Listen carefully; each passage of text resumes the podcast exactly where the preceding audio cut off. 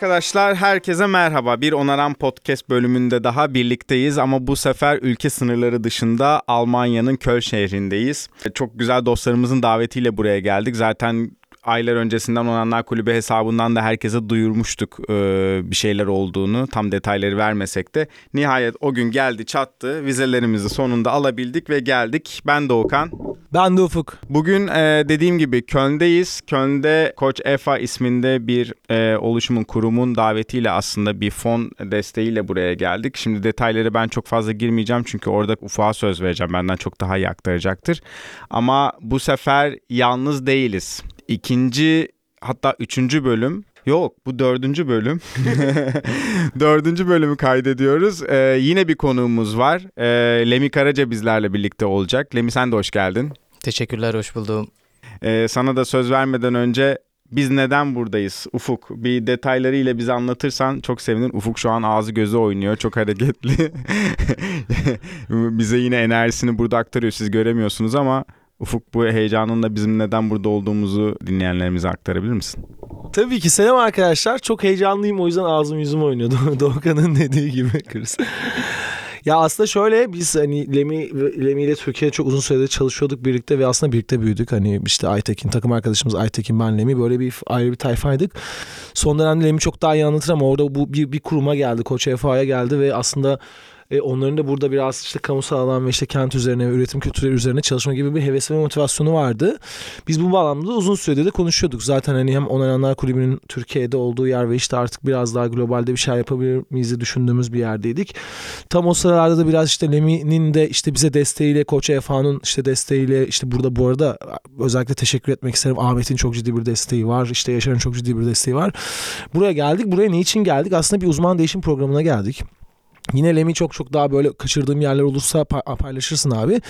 Ee, bir uzman değişim programı için buradayız ve işte aslında biraz daha Koç EFA'nın e, kendi bünyesinde yaptığı işlerde reentegre etmek istediği işte biraz daha maker araçlarıyla ilgili hikayeleri paylaşmak. Ee, bir işte maker alanı nasıl işliyor, maker eğitimleri nasıl yapılıyor onlar üzerine biraz çalışmak. Biraz buradaki kültürü öğrenmek ve e, aslında bir birkaç tane de işte belki sokak yerleştirmesi yaparız e, diye geldik. Tabii gelişimiz biraz şeydi, heyecanlıydı. İşte vizeyle ilgili böyle birkaç ufak e, sürpriz yaşadık. Sürpriz diyeyim. O detayları anlatalım bence. Yakarız. Anlatalım mı Lemi? ben bizim tarafı anlatayım, sen siz tarafı anlat abi. Ya biz işte yani bu arada işte bir projeye başvurduk. Bu işte Türkiye Almanya Geçiş Köprüsü'nün projesiydi. Ortaklı olarak başvurduk Koç EFA ile. Oradan işte onay aldık ve e, proje takvimleri belli ve her şey belli. İşte biz uçak biletlerini aldık. içerikler işte davetiye metinleri geldi vesaire. Bunlarla beraber vizeye başvurduk. E, son dönem vizeye başvuran veya etrafında vizeye başvuran tanıdığı olan insanlar varsa şeyin farkında özellikle Almanya vize konularına çok ciddi bir şeye sahip. İşte biraz daha sınırlarını daralttığı bir hikaye sahip. Ee, biz böyle işte bir e, işte kurum gerçekten ama gerçekten çok güçlü bir kurumdan davetiye gelince işte ve fonlanmış bir davetiye gelince herhangi bir şey olmaz sorun yaşamayız dedik ama dört kişi başvurduk. Dört kişiden takım arkadaşımız Merve Naz vize aldı. Doğukan ben Aytekin alamadık. Büyük kriz.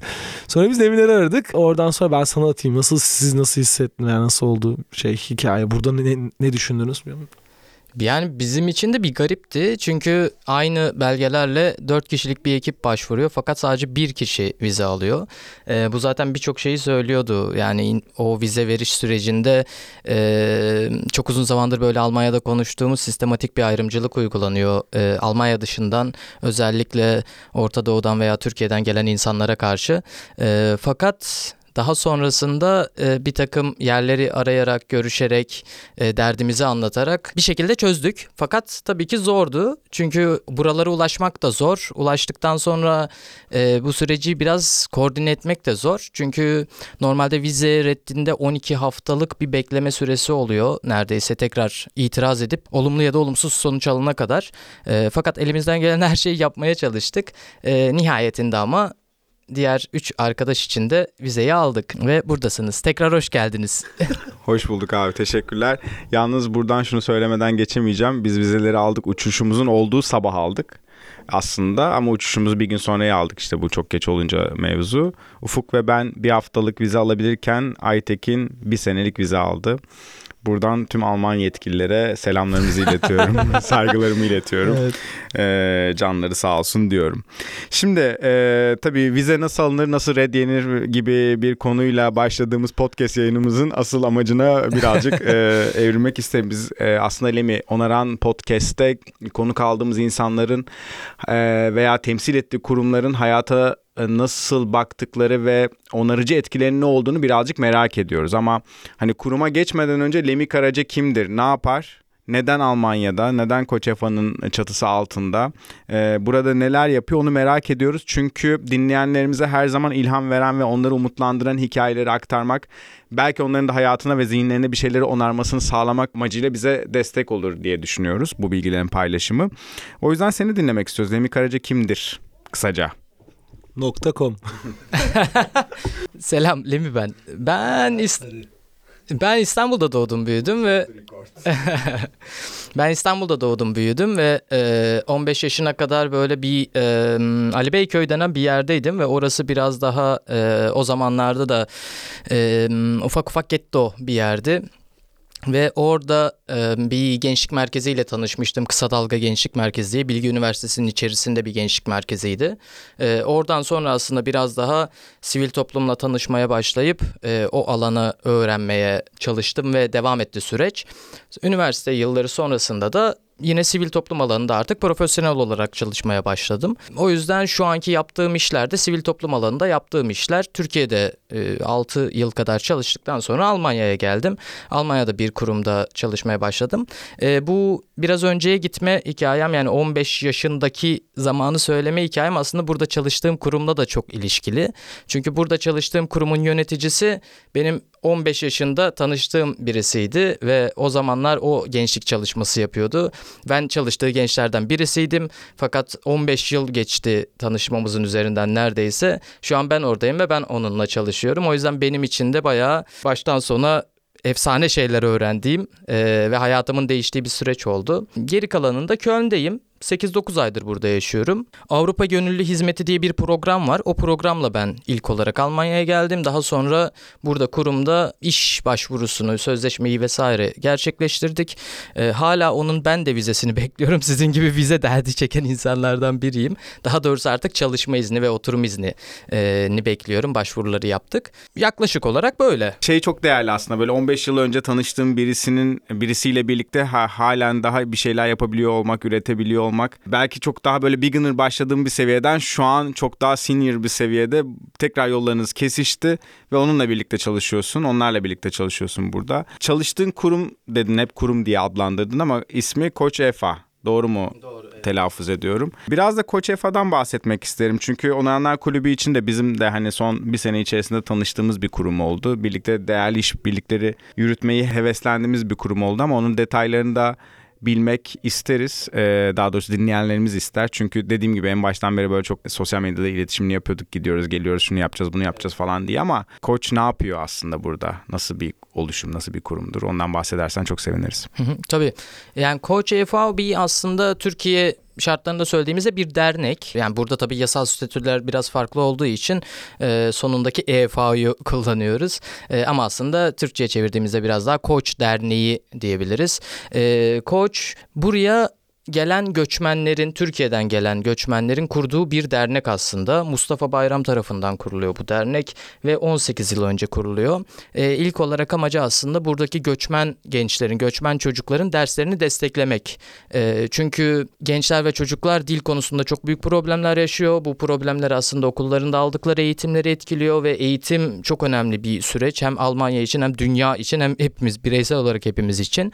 Ee, o yüzden biraz daha ilk başta gençlerin ve çocukların derslerini e, desteklemek amacıyla ortaya çıkıyor. Fakat sonrasında tabii ki başka bir takım e, alanlara da kayıyor. Gençlik güçlendirmesi bunun en temelinde e, yer alıyor. Gençlerin biraz daha bilgi ve becerilerini geliştirip farklı alanlara yönelmeleri ve kamusal alanda görünürlüklerini arttırmaları üzerine e, bir takım misyonlar ediniyor kendisine. E, tabii ki şey devam ediyor hala. Gençlerin ve çocukların derslerini, okul derslerini destekleme kısmı devam ediyor. Fakat bunun yanında zaman içerisinde yeni ihtiyaçlar görülüyor. Çünkü bu gençlerin bir yandan psikolojik destek olarak psikososyal destek alması gerekiyor ve bunun için çalışan sosyal pedagoglar var. Veya farklı beceriler kazanması için toplumda görünür olmak için bazı beceriler gerekiyor. Ee, onları da biz biraz biraz sizle de birlikte aslında onu yapıyoruz. Buradaki gençlerin biraz daha sosyal hayatta görünürlüğü sadece bir grup içerisinde kendi grupları içerisinde kalmaması e, Almanya'da aslında yaşadığı yerde ben de varım diyebileceği bir takım e, işleri e, anlamaya, anlatmaya çalışıyoruz. Bunları yaparken biz de öğreniyoruz bu arada. Çünkü ben e, bir sivil toplum temelinden geliyorum. Fakat sizle birlikte yaptığımız bir projede e, ben de aslında güçleniyorum. Çünkü bir takım ürünler çıkarıyoruz ortaya. O ürünlerin e, bizlere de öğrettiği bazı şeyler var. Sadece bir ürün çıkarmıyoruz aslında. Bir fikirle bazı ürünler çıkarılıyor. E, geri kalanında yani koç için şunu söyleyebilirim. Temelinde ayrımcılık, fırsat eşitliği ve eğitimde fırsat eşitliği üzerine çalışan bir kurum.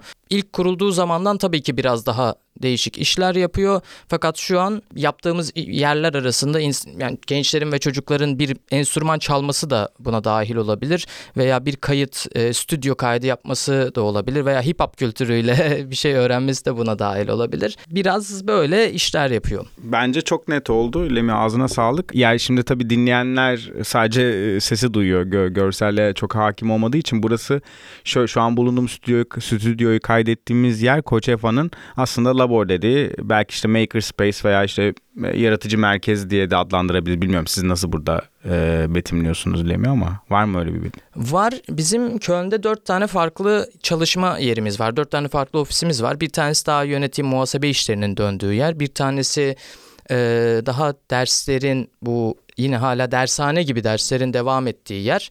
E, bir diğerinde danışmanlık verdiğimiz yer. Yani insanların gelip orada sosyal pedagoglarla kendi bireysel sorunları üzerinden e, bir takım danışmanlık aldıkları yerler. Bir de bu Bildungslabor'u kurduk. Bildungslabor da son bir yıl içerisinde kuruldu. Burası biraz daha e, yaratıcı işler yapmak için ve yeni işler yapmak için daha yeni bir alan.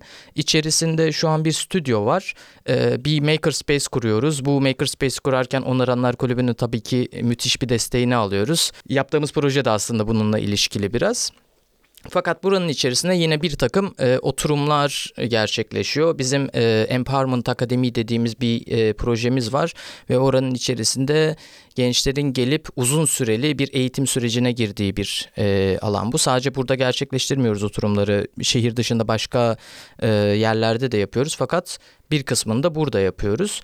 Tabii ki e, diğer sivil toplum kuruluşlarına alan sağladığımız da bir yer burası. Eğer bir ofise ihtiyaç duyuyorsa onları sağlıyoruz veya bir toplantı ihtiyaçları varsa onları sağlıyoruz. E, burası biraz daha hem yeni hem de yenilikçi oldu bizim yaptığımız iş, iş içinde. Evet. Yani şey aslında bu, bu zamana kadar e, koçun yaptığı işleri ve ortaya koyduğu değerlere daha da katma değer katacak bir alanla, alan kurgusuyla burayı oluşturdunuz. Zaten içeriye girdiğiniz andan itibaren biz hani Ufuk'la da kendi diğer takım arkadaşları da onu düşündük, konuştuk. Abi buraya bizim ihtiyacımız var yani. Keşke İstanbul'da böyle bir alanımız olsa diye. Çünkü hem işte stüdyosu var, maker space'i var, bahçe kocaman. İşte ne bileyim e, ilk geldiğimiz gün bir karavan vardı yine kendi imkanlarıyla yaptıkları bir karavan vardı koç ekibinin. O işte yani her şey çok güzel ve istediğimiz gibi geniş alanlar, depolama alanları falan. O yüzden ee, olur da Köln'e e, ziyarette bulunan e, genç yaratıcı, tasarımcı, sanatçı e, insanlar varsa bizi dinleyen muhakkak buraya uğrasın. Burada birlikte işbirlikleri ve projeler geliştirme üzerine de sohbet edebilirler deyip sözü Ufuk'a vereceğim Ufuk. Ya böyle şey aslında projelerden biraz bahsettin ama burada kalabalık bir ekip olduğunu da aynı zamanda biliyorum. Yani daha önceki konuşmalarımızdan. Burada nasıl bir ekip var ve işte ne gibi proje üretiyorsunuz? Böyle o bir farklı farklı projeler olduğundan da bahsettin. Ee, veya işte şey de diyebiliriz aslında soruyu biraz daha özetleyebiliriz. Yani burada nasıl bir ekip var ve bir gün koçta nasıl geçiyor? Ben e, bu dört tane farklı çalışma merkezinde dört tane farklı iş yürüyor. Hatta dörtten daha fazla farklı iş yürüyor. Fakat temeli biraz bu merkezler belirliyor. Bizim biraz daha e, destek sağlayan kişiler böyle Fachkraft'te dediğimiz bir ekip var. Biraz daha uzman diye çevrilebilir belki ama tam karşılığı o değil.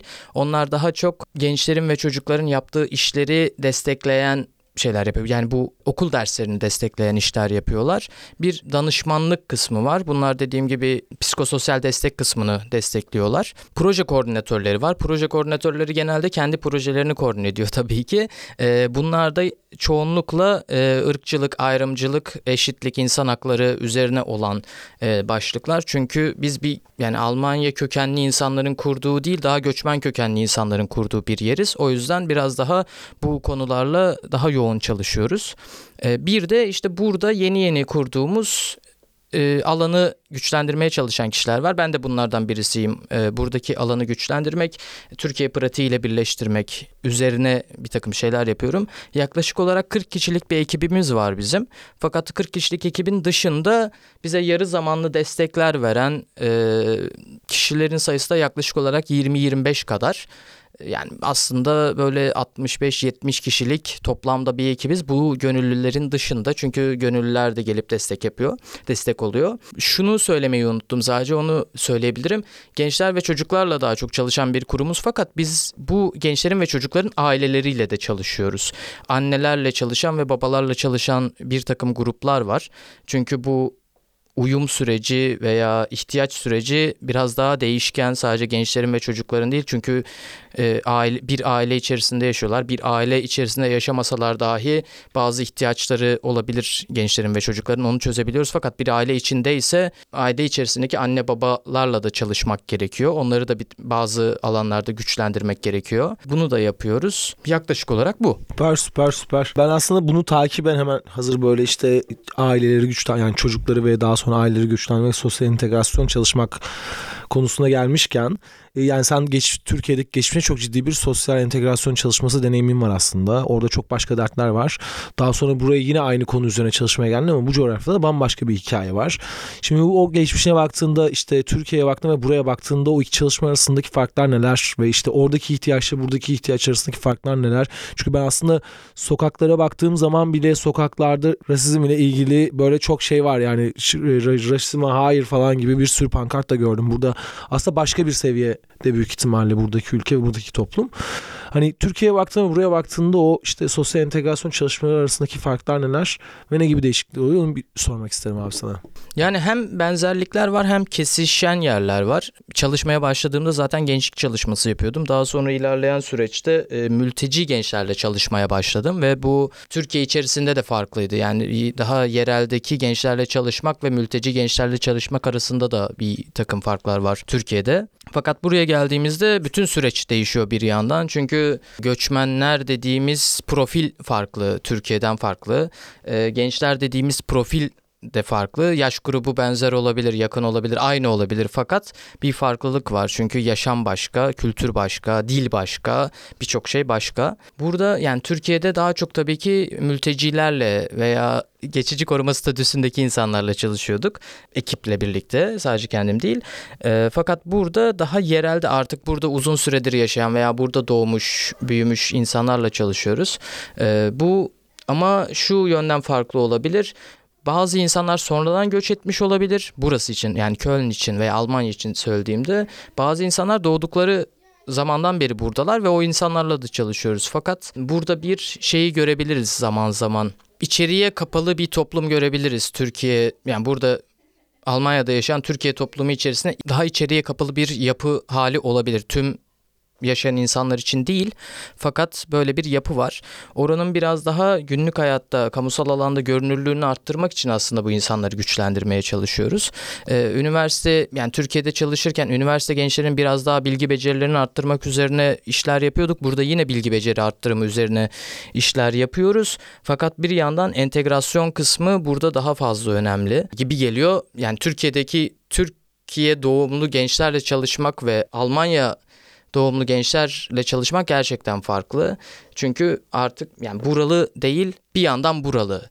Tam arada kalmış bir süreç. Ne Türkiye'liyim ne Almanyalıyım algısı var. Fakat bunların aslında sınırların ötesinde bir hal alması gerekiyor. Yapmak istediğimiz şey de biraz o. Yani bir, bir genç veya bir insan bir sınıra bağlı değil. Yani bir birey bir bireydir ve olduğu yerde her türlü hakkı vardır. Yani buradaki bir yurttaş olarak yurttaş olmasa dahi burada bulunan bir kişi olarak her türlü hakkı vardır. Biraz daha gençleri bu yönden de desteklemek istiyoruz. Ama farklılıkları tek bir şeyle anlatamam. Yani şu farklı bu farklı diyemem. Biraz daha vaka vaka, kişi kişi, olay olay değişen süreçler bunlar.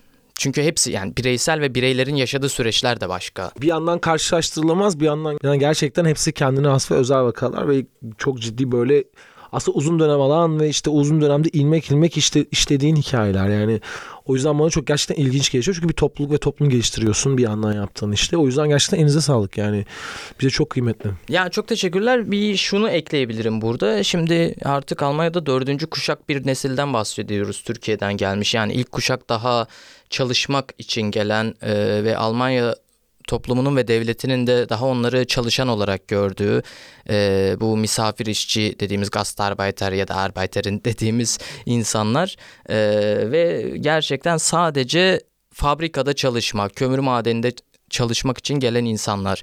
Fakat zaman geçince Almanya da şunu fark ediyor yani bu insanlar gitmiyor. Çünkü insanlar gitmiyor değil burada bu insanlara ihtiyaç da var. Yani insanlar gitmediği için değil bir yandan burası için de bir ihtiyaç ve çok sonra başlıyor aslında bu e, toplum yani sosyal uyum e, hikayesi biraz daha sonra başlıyor. Fakat dördüncü nesile geldiği halde dahi yani ilk göç 60'lı yıllarda başladı. Şu an 2022'deyiz ve hala tam olarak sağlanabilmiş bir şeyden bahsetmiyoruz. O yüzden bu çok uzun süreli bir süreç. Yani hemen olacak böyle mantar gibi tık diye biten olan bir şey değil. Biraz daha zaman istiyor. Fakat şey de değişiyor tabii göçmen profili de değişiyor. Artık buraya son dönem dördüncü nesil göçmenler biraz daha elleri tırnak içinde söylüyorum ama elleri güçlü olarak geliyor. Belli bir bilgi, belli bir beceriyle geliyor. Türkiye'den geliyorlar, orada eğitim görmüşler vesaire. Fakat buranın birçok ihtiyacını e, karşılıyor. Aynı zamanda kendi ihtiyaçlarını da buradan karşılıyor. Bu karşılıklı bir süreç tabii ki. E, fakat göçmen profili de değişiyor. Fakat ilk zamanları yine gittiğimizde şu da var insanlar biraz daha döneceğim zaten ülkeye kendi ülkeme döneceğim diye düşündüğü için topluma uyum da sağlamıyor. Daha kendi içlerinde kalıp daha kapalı bir hal alması da bundan kaynaklanıyor. Zaten gidiyorum. Burada şunu öğrenmeme gerek yok. Zaten gidiyorum dil öğrenmeme gerek yok. Zaten gidiyorum burada bir eğitim almama gerek yok vesaire. Fakat bu insan 60 yıldır burada. ya şey önemli gerçekten o göçmen profilinin değişmesi buraya yani buraya harcanan zamanın, buraya harcanan paranın karşılığında Alman hükümetinin de e, ne bileyim karşılığını ciddi anlamda alabildiği bir profil diye düşünüyorum ben de. Çünkü hani geçen toplantıda da konuştuk hani kültür, sanat, müzik e, işte ne bileyim bu konularda birleştirici olmak çok değerli ve bu konuları zaten kendine yani bu konular üzerine çalışan insanların göç ettiği bir dünyayı yaşadığımız için şu an özellikle ben şeyi söylüyorum tabii hani Türkiye için söylüyorum. Başka ülkelerden de muhakkak buraya bir sürü milletten insanlar geliyor ama Türkiye için söylediğimde etrafımızdaki insanlar bizler yaratıcı endüstride çalışanlar olarak söylüyorum. Etrafımızda e, bir şeyler üreten e, tasarım üreten, sanat üreten insanların da göç etmesi buradaki o kültür değişimi için de inanılmaz faydalı bir durum yaratıyor aslında. Belki hani sadece işçi gücü değil de e, sanat anlamında, tasarım anlamında farklılık yani farklılık yaratmak anlamında da bize veya işte ülkelere destek veya iyi gelen şeyler oluyordur diye düşünüyorum. Kesinlikle, kesinlikle. Ya birazcık böyle Onanlar Kulübü'nün aksiyon aldığı konular daha kamusal alan. Biz de aslında kamusal alanla entegrasyonu birazcık daha konu alıyoruz diyebilirim belki. Ufuk doğru muyum bilmiyorum ama. Tabii ki her zaman. Diyalog kurmaya çalışıyoruz. İnsanların yaşadığı alanla e, iletişim kurabilmesini sağlıyoruz Onanlar Kulübü olarak. Veya bunu sağlamak için çaba gösteriyoruz. Sağlıyoruz, sağlayamıyoruz tartışılır bir şey tabii ki ama bizce sağlıyoruz tabii ki. Bu diyaloğu geliştirmek için bir şeyler yapıyoruz. Ee, o entegrasyonu sağlamaya çalışıyoruz.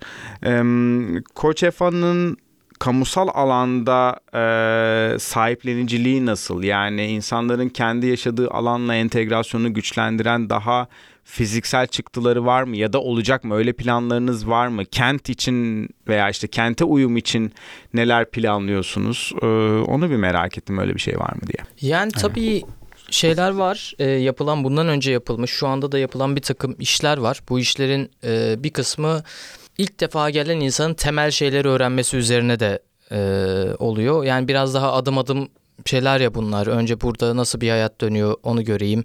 Daha sonra buraya bir şey katabilir miyim onu göreyim. Veya katmaya cesaret ediyor muyum etmiyor muyum orada bir güçlenmeye ihtiyacım olabilir. Biraz biraz adım adım gidiyor. Fakat 18 yıldır Koç EFA çalışıyor ve buna artık geldiğimizi düşündüğümüz için sizle de e, bir yandan bu işi yapıyoruz. Çünkü sizin bilgi ve deneyiminizi oradan e, alıp Yani sizden destek alıp e, burada aslında e, göçmen kökenli insanların daha kamusal alanda görünürlüğünü sağlamaya çalışıyoruz. E, bu önümüzdeki yapacağımız işlerde çok e, temele koyduğumuz bir şey. Çünkü gençlerin hem dijital alanda güçlenmesi sadece dijital değil dedi, biraz önce söylediğimiz gibi kamusal alanda görünürlüğünü arttırmaya dair bir takım e, ödevler koyduk kendimize. Bu sizin yaptığınız gibi e, sokak yerleştirmeleri yapmak olabilir veya buna dair bir takım teorik eğitimler almak olabilir. Çok temelde söyleyeceğim şeyler bir yani üç, boyutlu yazıcının nasıl kullanıldığını anlatmak da olabilir. Yani şey diye düşünüyor olabiliriz yani Almanya gibi bir ülkede böyle şeylere ihtiyaç var mı? Evet var. Yani Almanya gibi bir ülkenin sanayisi çok gelişmiş olabilir. Ağır sanayisi çok gelişmiş olabilir ama insanlar arasındaki teknoloji kullanım oranı çok az baktığımızda bu göçmenlere geçtiğimizde biraz daha azalıyor. Ee, bir yandan şeyi de istiyoruz tabii ki Almanya'daki Almanya kökenli olan insanların da güçlenmesini istiyoruz. Sadece şey değil göçmenlerin değil bu karşılıklı bir süreç uyum süreci. O yüzden biraz daha sokaklarda iş yapmak, sokak kültürü burada iyi fakat onu biraz daha toplumsal faydaya dönüştüreceğimiz bir hale çevirmek istiyoruz. Ee, o yüzden kur, yeni yeni işte makerspace kuruyoruz. Biz de öğreniyoruz. Biz öğrenirken gençlerle e, bu bilgiyi paylaşmaya çalışıyoruz. Çocuklarla bu bilgiyi paylaşmaya çalışıyoruz. Bu yüzden bir yandan da bir teşekkürüm de var tabii ki size. Bizi bu konuda ilk destekleyen ve bize e, yol gösteren ekipte siz oldunuz. Teşekkür. Kalp, kalplerimiz, duygularımız ve bütün şeyimiz, e, iyi niyetimiz karşılıklı. Ben buradan aslında şeyde girmek istiyorum. Yani baktığın zaman aslında burada bir pro- projeniz ve aslında inisiyatifiniz de var Urban Culture Bridge diye. Ee, aslında kamusal alanda gönüllülük vesaire konuşuyorsunuz ve biraz o aslında yani şöyle Urban Culture Bridge'den sen daha, daha detaylı bahsedersin ama burada zaten hali hazırda bir şeyler yayın çok çok yıllar önce bir şeyler yapmış ve tekrar canlandırmak istediğiniz de bir hikaye. Biraz ondan da bahsetmeni çok isterim. E, Çünkü orası aslında bizimle çok fazla ortaklaşacağımız ve paydaş olacağımız da bir yer olabilir belki ileride. Burada sana top atıyorum. Nedir? Bu bir açık çağrıdır. Bunu dinleyenler için. Urban Culture'ı Evet. bridge'liyoruz arkadaşlar. Urban Culture Bridge bizim bir oluşumumuz aslında. Yani daha doğrusu bizim dediğim benim de dahil olduğum bir e, oluşum. E, bir yandan bir proje olarak da devam ediyor fakat bir yandan bir inisiyatif gibi düşünebiliriz. E, Urban Culture Bridge 2008 yılında beri devam ediyor aslında. Hem Türkiye'de hem de Almanya'da bir takım köprüler, sokak kültürüne dair köprüler kurmak üzerine bir araya gelmiş bir e, organizasyon, bir inisiyatif. Ve bu sadece Almanya'da gerçekleşecek bir şey değil. Çünkü bizim istediğimiz şey Almanya'daki ve Türkiye'deki sokak kültürünün bir şekilde bir bağlantı kurması ve bu iki ülkede de iki ülkede yaşayan gençler tarafından sadece genç olması gerekmiyor bu arada. insanlar tarafından bir şekilde sahip olunması ve desteklenmesi. Çünkü sokak kültürü çok başka bir şey. Siz zaten buna çok hakimsiniz, biliyorsunuz ve öyle işler de yapıyorsunuz. Biz ama Türkiye'de kalan veya Almanya'da kalan, dezavantajlı olan, dezavantajlı olmayan önemli değil. insanların sokakta bir şey yapabilmesini, kamusal alanda görünür olmasını veya sadece herhangi bir şey yapabilmesini desteklemek istiyoruz. Yani bir şey yapmak isteyen bir kişi varsa ve bunu sokakta bir kültürel bir şey olarak e, yapma niyeti varsa bunu yapmak istiyoruz ve bir şekilde desteklemek istiyoruz. Bundan sonraki ilerleyen süreçte de bunu biraz daha arttırma niyetindeyiz. Türkiye'deki arkadaşlarımız, dostlarımızı, sanatçıları, tasarımcıları e, dahil etmek istiyoruz bir yandan. Çünkü bu ekip büyümesi bizim böyle bir hayalimiz. Hem Türkiye'de hem Almanya'da sokak kültürü üzerine bir araya gelmiş insanların bir topluluk altında buluşmaları bir heyecan veriyor. Yani bu şey de olabilir yani bir hip hop kültürü olabilir, bir grafiti kültürü olabilir veya sizin yaptığınız gibi zaman zaman street hacking hikayeleri olabilir. Artık yeni dünya düzeninde birbirimize ihtiyacımız var. Daha çok ihtiyacımız var daha doğrusu ve bu ağı güçlendirmek istiyoruz. Bundan sonraki süreçte biraz daha artarak devam edecek. Zaten burada ilk adımlarını attık birlikte konuştuk. Adımlar atılır arkadaşlar. Z- Valla o kadar güzel özetledin ki çok da güzel bir açık çağrıya bağladın aslında. Yani yapmak istediğimiz şey de tam olarak buydu. E, buradan duyurmak istediğimiz şey.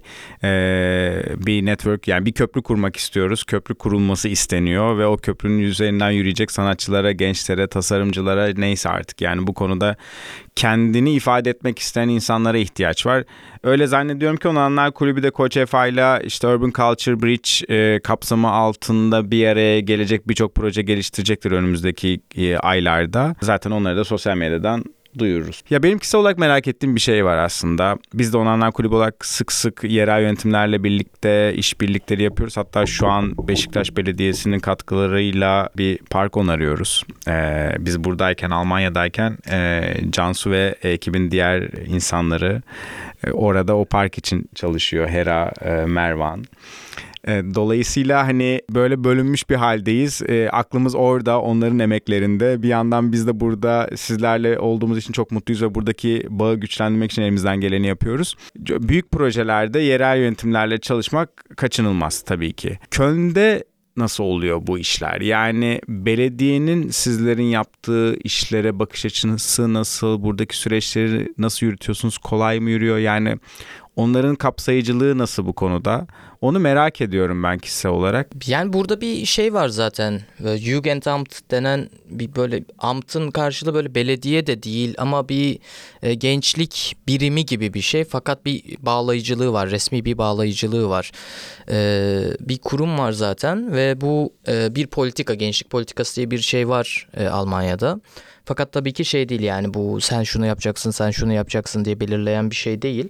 Fakat bir şekilde gençlik çalışması buralarda destekleniyor. Ortaklık kurarak yapmak tabii ki belediyeyle ortaklık kurarak yapmak kesinlikle iyi. Yani zaman zaman düzenli toplantılar yapıyoruz. Neler yaptığımızı gençlik kurumları olarak birbirimize aktarıyoruz burada. Fakat zaman zaman kendi işlerimizi yapıp devam da edebiliyoruz yolumuza.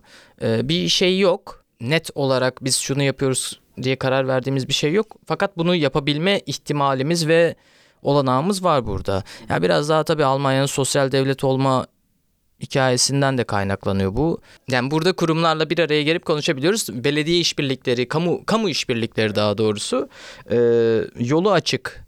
Sadece ne yapmak istiyorsun, nasıl yapmak istiyorsun, kimlerle yapmak istiyorsun bunu belirlediğin sürece bir engelle karşılaşmak çok mümkün değil. Yani süreci doğru kurguladığın ve doğru iletişim kurduğun sürece bu ve benzeri projeleri burada gerçekleştirmek aslında Türkiye'de veya işte Avrupa'nın herhangi bir ülkesinde gerçekleştirmekten çok da farklı değil. Yani ben bu soruyu sorarken aslında birazcık şey Alman disiplininden yola çıkarak birazcık sormak istedim. E, çünkü bazı işler ya hadi yapın gençler biz destekliyoruz sizi gibi de olabilir ya da arkadaşlar bunu yapmanız için şu prosedüre dahil olmanız gerekiyor ve bu prosedürün şu evraklarıyla, şu katılımcılarla şöyle şu şekilde ilerlemeniz gerekiyor gibi bir direktifleri de olabilir. Onu merak onu merak ettiğim için sordum aslında. O disiplin burada gör, görünüyor mu? Aslında çok şey ee, söylediğin şeyi şimdi biraz daha net açıklayabilirim. Yani bu yani bir gençlik çalışmasının basamakları var aslında ve bu gençlik çalışmaların basamaklarında birinin yönlendirmesinin olduğu bir yer aslında alt basamaklarda kalıyor. En temelinde gençlerin bir şeye karar verip gençlerin kendisinin yapabildiği çalışmalar. Ee, gençlik çalışmasında en yukarılarda görünen şeyler yani bu basamakların hepsini konuşmayacağız tabii ki bu eğitim değil fakat burada şunun imkanı var. Ee, gençler kendileri bir şey yapmaya karar verip bunu yapabilirler. Ee, sadece burada bu gençlerin de güçlenmesi gerekiyor. Yani biz aslında kurum olarak da biraz bunu yapıyoruz. Sizle şu an yaptığımız şeyde de bu. Biz bir sadece sokağa bir ürün koymuyoruz. O ürün üretim süreci nasıl gerçekleşiyor? Bu aletler nasıl kullanılıyor? Veya bir şey boyarken neye dikkat etmek lazım? E, bu bir beceri kazandırıyor olabilir fakat altında bunun teorik olarak şunları konuşuyoruz. Yani kamusal alanda bir şey yapıyoruz ve bir haktan bahsediyoruz. Biz yani aslında hak temelli bir iş yapıp bunun çıktısını e, bir bir ürün olarak ortaya koyuyoruz. E, yani sizin yaptığınız zaten en başından beri e, böyle yaptığınız iş biraz daha bu ve bizi en büyük etkileyen şey lerden bir tanesi de bu. Çünkü bu kurum hak temelli çalışıyor. Ee, yani Coach da hak temelli çalışıyor ve buraların aslında kesişeceği yer teorik bir zemin olması gerekiyor. Çünkü pratik bir ürünü her zaman yapabiliriz. Her şekilde yapabiliriz. Fakat onun temelinde ne olduğu, nasıl yapıldığı, kimlerin nasıl dahil olduğu ve gençlerin araç olarak kullanılıp kullanılmadığı ile ilgili bir takım hikayeler var ve burada gençler aslında bir şey yapmak istiyorlarsa onu yapacaklar çok basit bir tane hikaye anlatmak istiyorum. Burada çalıştığımız bir çocuk grubu Pokemon kulüp kurdu ve siz buradayken de karşılaştınız ve Pokemon hastaları ve sizle birlikte de zaman geçirdiler ve bir takım birlikte 3D yazıcılardan Pokemon'lar ürettiler ve bu onlar için müthiş bir şey. Çünkü onlar kendi aralarında karar veriyorlar bunları. Bir araya geliyorlar. Ee, biz Pokemon kulüp kurmak istiyoruz ve Pokemon'lar hakkında konuşmak istiyoruz. Çünkü oyun bir haktır, insan hakkıdır. Ee, ve oyun kurgularını buradan kuruyorlar ve biz oradan destekliyoruz onları. Yani e, biz dediğim siz ve biz birlikte olarak oradan destekliyoruz ve bir yazıcıdan bir, bir ürün çıkıyor. Ee, burada kurulacak Makerspace'e koyulacak bir takım ürünler tümüyle şey buraya dahil olmak kendi sözünle dahil olmak gerekiyor. Çok güzel ya keşke ben de küçükken Pokemon kulübüne dahil olabilmiş olsam gerçekten. Keşke ben de keşke Getto Metto dedik ilk başı yani artık Harry Potter da olur bu arada ama gerçekten çok keyifli. Gerçekten elinize sağlık. Yani buraya geldiğimizden beri o cuma günü geçen hafta cuma günü geldik buraya. Geldiğimizden beri e, bu şey hissiyatı görüyoruz. Yani çocuklar burada mutlu bir şeyler üretiyorlar. Bir şeyleri deneyimlemek için bir engelleri yok. Hani mekanın her yerini gezebiliyorlar. Az önce de biz aşağıda işler yaparken yanımıza geldiler vesaire. Bu imkanları sağlamak ve aslında bu özgürlüğü de sağlamak. Belli kurallar dahilinde aslında kurallar dahilinde kuralsızlık gibi de bir oluşum var. Ben öyle hissediyorum burada e, olduğum süreç içerisinde. Geçen hafta da pazar günü biz bir Summerfest'e katıldık aslında Koç Efa'nın düzenlediği bir yaz 18. yaş 18. partisiydi aynen. aslında. hani ilk kez böyle e, şey Köln'e gelmişiz bir etkinliğe dahil olmuşuz olanlar kulübü olarak orada bir standımız var falan bizim için oldukça heyecanlı bir andı tam günde hatta çünkü festival alanını da birlikte kurduk. E, festival alanını da birlikte kaldırdık. İşte orada e, elimizdeki atığa çıkmış yani da, kullanılmayan e, maskeleri işte dikiş makineleriyle cüzdanlara dönüştürdük, insanlara dağıttık, insanlarla birlikte dönüştürdük. Ben orada şeyden çok etkilendim. Yani Onanlar Kulübü'nün ilk senelerindeki gibi işte biz de böyle etkinliklere, festivallere falan gidiyorduk. Hatta kendi aramızda da onu konuştuk. E, duygulandığım kısım o. Hani biz hiç bilmeyen bir ortamdayız bir etkinlikteyiz. Bir standımız var. Bir şeyler yapıyoruz ve insanlar yaptığımız şeyi merak ediyor. Yanımıza geliyor. Sorular soruyor ve biz en baştan ne yapmak istediğimizi veya ne yaptığımızı anlatıyoruz. E, Sanki böyle yeniden hani Olanlar Kulübü yeniden kurulmuş ve hiç kimse bir şey bilmiyor ve çabamız onlara bu kulübün ne yapmak istediğini anlatmak. E, o yüzden beni e, yani o etkinlikte olmak bayağı bir etkiledi. Hoşuma da gitti. Orada bayağı bir işte e, maskeleri Aytekin ve Merve Naz'ın desteğiyle birlikte dikiş makinelerinde kullanarak insanları da dahil ederek çantalara dönüştürdük. Öte yandan 3 boyutlu yazıcılar çalıştı orada tüm gün boyunca. Çocuklar geldi 3 boyutlu yazıcılarla alakalı envai çeşit sorular sordular. Aklım alamayacağı sorular. Aslında daha önce de böyle deneyimliyorduk o soruları ama şimdi ilk uzun zaman sonra tekrar böyle bir şey olunca evet ya gerçekten böyle sorular soruluyordu. Uçtan uca çok güzel bir şeydi yani. Orada da katılımcılığı gördük. Benim en çok şaşırdığım konulardan bir tanesi yine şeydi. Abi kimse kimseye bir görev vermiyor. Herkes görevini o kadar iyi biliyor ve o kadar org- iyi organize oluyorlar ki yani hani festivalin kim yani festivalde kim neyden sorumlu, nasıl aksiyon alınması gerektiği konusunda herkes görev bilinciyle hareket ediyor.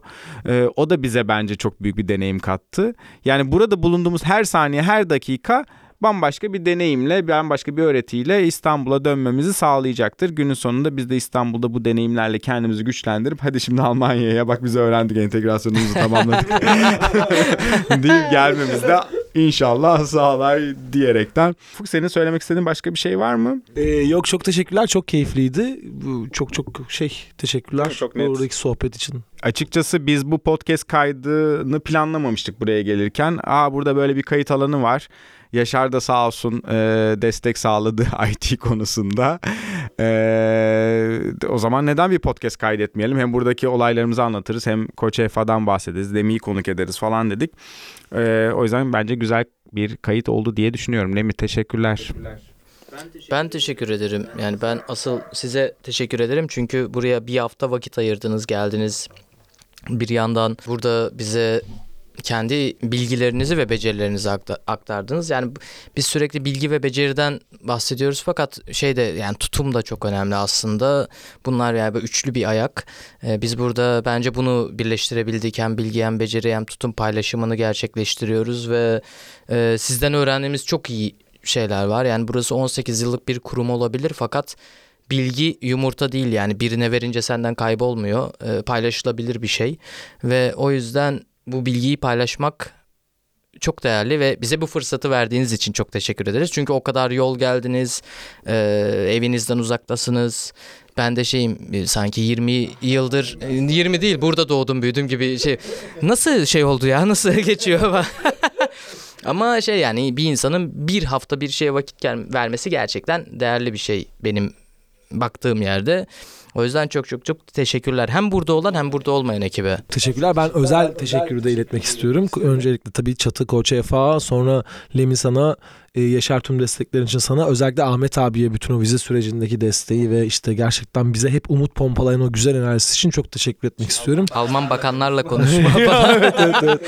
Gerçekten ama gerçekten çok büyük bir efor var. Burada olmamızı sağlayan e, bütün yüreklere teşekkürler. Onaran Podcast'in dördüncü bölümünde e, bugün Almanya'nın Köln şehrinde Koçefa'nın e, podcast kayıt stüdyosunda kaydetmiş bulunduk. Konuğumuz Lemi Karaca'ydı. E, destekler için yine herkese teşekkürler. Ufun dediği gibi ben de kendim, takımım, oluşumum adına teşekkür ediyorum hepsine. Burada olmamızı sağladıkları için teşekkür ediyorum. Sen çok güzel bir detay yakaladın. Burada olmayan ekip arkadaşlarımıza da teşekkür Çünkü onlar olmasaydı biz burada olamazdık. Çünkü aynı anda bir sürü proje şu an ilerliyor. E, herkesin eline koluna sağlık. O zaman bir sonraki bölümde görüşmek üzere diyoruz.